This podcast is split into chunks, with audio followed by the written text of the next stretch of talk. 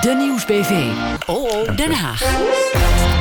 Ja, het kabinet gaat 4000 belastingdeals onderzoeken. Dat maakte de nieuwe staatssecretaris Menno Snel zojuist bekend. Hij gaat samen met de minister van Financiën Wopke Hoekstra... vandaag voor het eerst in de Tweede Kamer uh, gaat hij staan... voor de algemene financiële beschouwingen. En daar praten we over met eh, Peter K., politiek redacteur uh, bij Pauw. Francisco van Jolen. Uh, en natuurlijk ook ja, speciaal voor dit onderwerp... niemand minder dan uh, de economisch journalist voor de Volkskrant, Peter de Waard.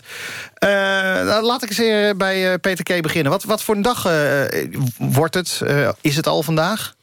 Nou, het is natuurlijk de, de dag dat de dividendbelasting nog even onder de loep wordt genomen. Gefileerd moet worden. Ja, en als de Telegraaf opent met negen economen... die tegen de dividendbelasting zijn... dan begint ze bij de VVD zelfs achter de oren te krabben. Ja.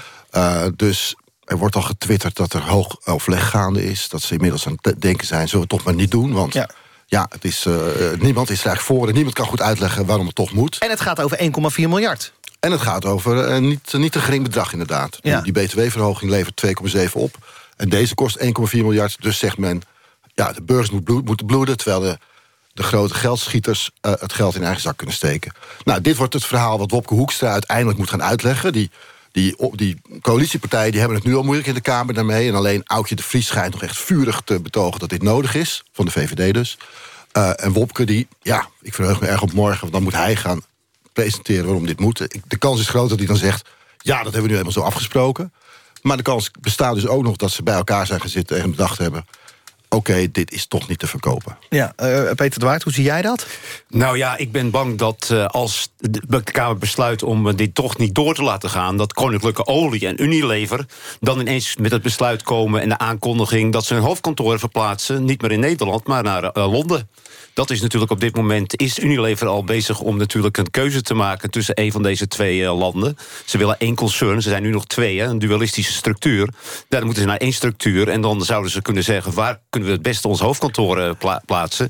Nou, dat gaat natuurlijk in het land waar de laagste belastingen zijn. Ja, maar is deze maatregel dan echt genomen om deze uh, hoofdkantoren in Nederland te houden? Nou, niet alleen om deze twee hoofdkantoren. Het gaat natuurlijk om veel meer hoofdkantoren. Dus allemaal buitenlandse beleggers die natuurlijk hier in Nederland zitten... en die hun dividendbelasting wordt ingehouden... die zeggen van, ja, dan gaan we wat minder in Nederland beleggen. Maar heel veel economen zeggen dus dat het een uh, rare maatregel is... en dat je hem moet terugdraaien. Ja, dat is ook zo, natuurlijk. Dat, uh, dat, ik begrijp dat de economen dat zeggen... en dat ze het niet direct voordelen kunnen, kunnen aanwijzen. Maar het is toch uiteindelijk gaat het natuurlijk om het investeringsklimaat. En dat is een algemeen iets. En dan kan je. En de afspraken die natuurlijk met de, ja, met de grote bedrijven worden gemaakt, die zijn vaak geheim. Moeten wij dit uh, niet helemaal zien in het licht van de Brexit? Ja, nou, dat, is, dat zou je ook nog een beetje kunnen zeggen. Want Unilever moet die keuze maken. En dan kan je in het kader van de brexit zeggen van... ja, dan moeten ze toch, uh, laten wij in Nederland vooral vriendelijk uh, dit soort dingen doen.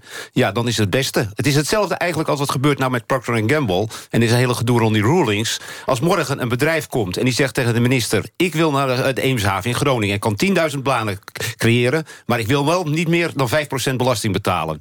Nou, zegt dat de Kamer zegt, dat willen we niet. Nou, dan krijg je ook een schandaal. Ja, maar, maar dan zeggen ze 10.000 arbeidsplaatsen. In Groningen hebben we werk nodig. Francisco, moeten we het echt uh, zo zien? Moeten we echt uh, gewoon denken alleen nou ja, maar aan de grote multinationals? Er worden bedrijven gelokt en er, er is op het ogenblik iets aan de hand. Namelijk, er is een, staat een brexit op de stapel. Niemand weet daar wat mee gaat gebeuren. Maar de kans is groot dat ook een heleboel eh, bedrijven die in Londen zitten... zich willen verplaatsen naar het Europese vasteland. Al die lidstaten van de Europese Unie die staan klaar met hun vlaggetjes... om die bedrijven te lokken. En dit lijkt me een maatregel om het in ieder geval niet weg te jagen... en aantrekkelijker te maken om naar Nederland te komen. Maar als ik het zo hoor dan, uh, Peter K., dan heeft uh, het kabinet gewoon eigenlijk een goed verhaal... en dan hebben ze het helemaal niet zo moeilijk morgen, ja, blijkbaar kunnen ze het niet zo uitleggen. Misschien is het ook omdat dat Rutte zelf nog een geschiedenis heeft bij Unilever... en Wopke Hoekstra heeft men een geschiedenis bij Shell... Dus de banden zijn nauw met het kabinet. Ze weten heel goed wat daar speelt. Gerrit Salm, had hij ook niet een, een, een commissariaat bij Shell, Peter? Dat weet jij wel.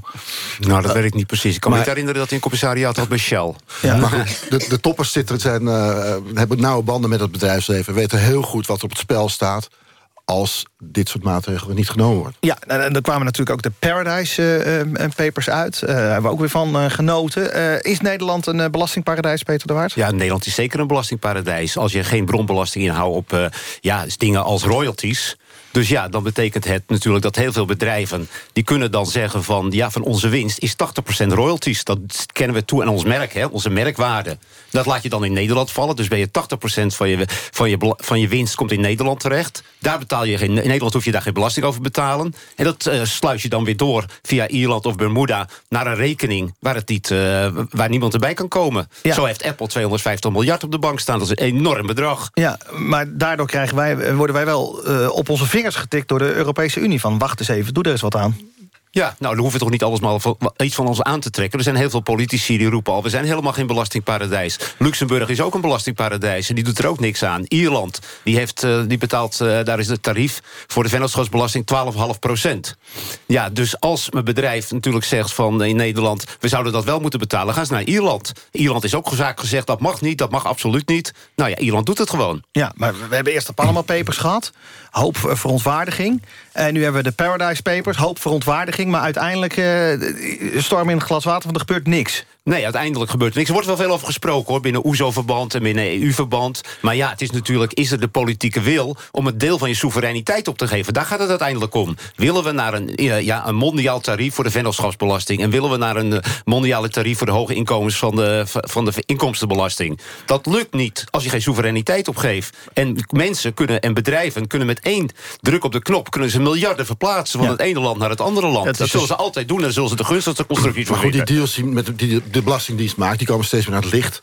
En op een gegeven moment houdt dat natuurlijk wel op. Nu wordt er onderzoek gedaan, uh, gelast door Bruins, de nieuwe staatssecretaris.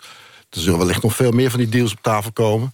Ja, het blijft wel een slecht verhaal. Ja, dat is ook zo. Maar ja, we gaan terug naar de, als we niet, hier niets aan doen... dan gaan we terug naar de middeleeuws belastingstelsel. Dus we gaan alleen belasting heffen op tol... op uh, dingen als uh, goederen. Hè. De, niet voor niks is het lage btw-tarief al verhoogd. Maar dat vind ik ook zo grappig. Want je, dan uh, komt er een onderzoek... dan gaan we 4000 belastingdeals onderzoeken. Wie gaat dat doen bij de Belastingdienst, Francisco? Nou, dat is die uitstekende Belastingdienst. Maar wat hierbij speelt... ik verbaas me er altijd over dat het nooit een, een, een front, publieke verontwaardiging leidt. En dat leidt omdat het elke keer... Maar dat begint toch aardig te doen nu, ja, het land waar het zich afspeelt heeft voordeel bij dat het gebeurt. Ik bedoel, de, de slachtoffers zitten buiten de grenzen. En uh, ja, wat is het? 15 jaar geleden, 10 jaar geleden was het al uh, Gordon Brown, Sarkozy en de Merkel die afspraken om een vuist te gaan vormen tegen dit soort bedrijven. Het is wat Peter zegt, die mate, die, of Peter de Waard zegt, er zitten nu twee Peter. Uh, die, die, bedrijven die zijn heel machtig. En die, wij kunnen, ik bedoel, als iets de noodzaak laat zien van de Europese Unie is dit het wel. Want je kan alleen maar in gezamenlijk verband hier wat uh, deze bedrijven nou ja, Sarkozy had een fantastisch idee. Dat was die transactietax. Dat was een belasting op uh, kapitaalstromen. Hè. De dus Tobin-tax. Uh, ja, de Tobin-tax. Ja. Naar de econoom Tobin werd die genoemd.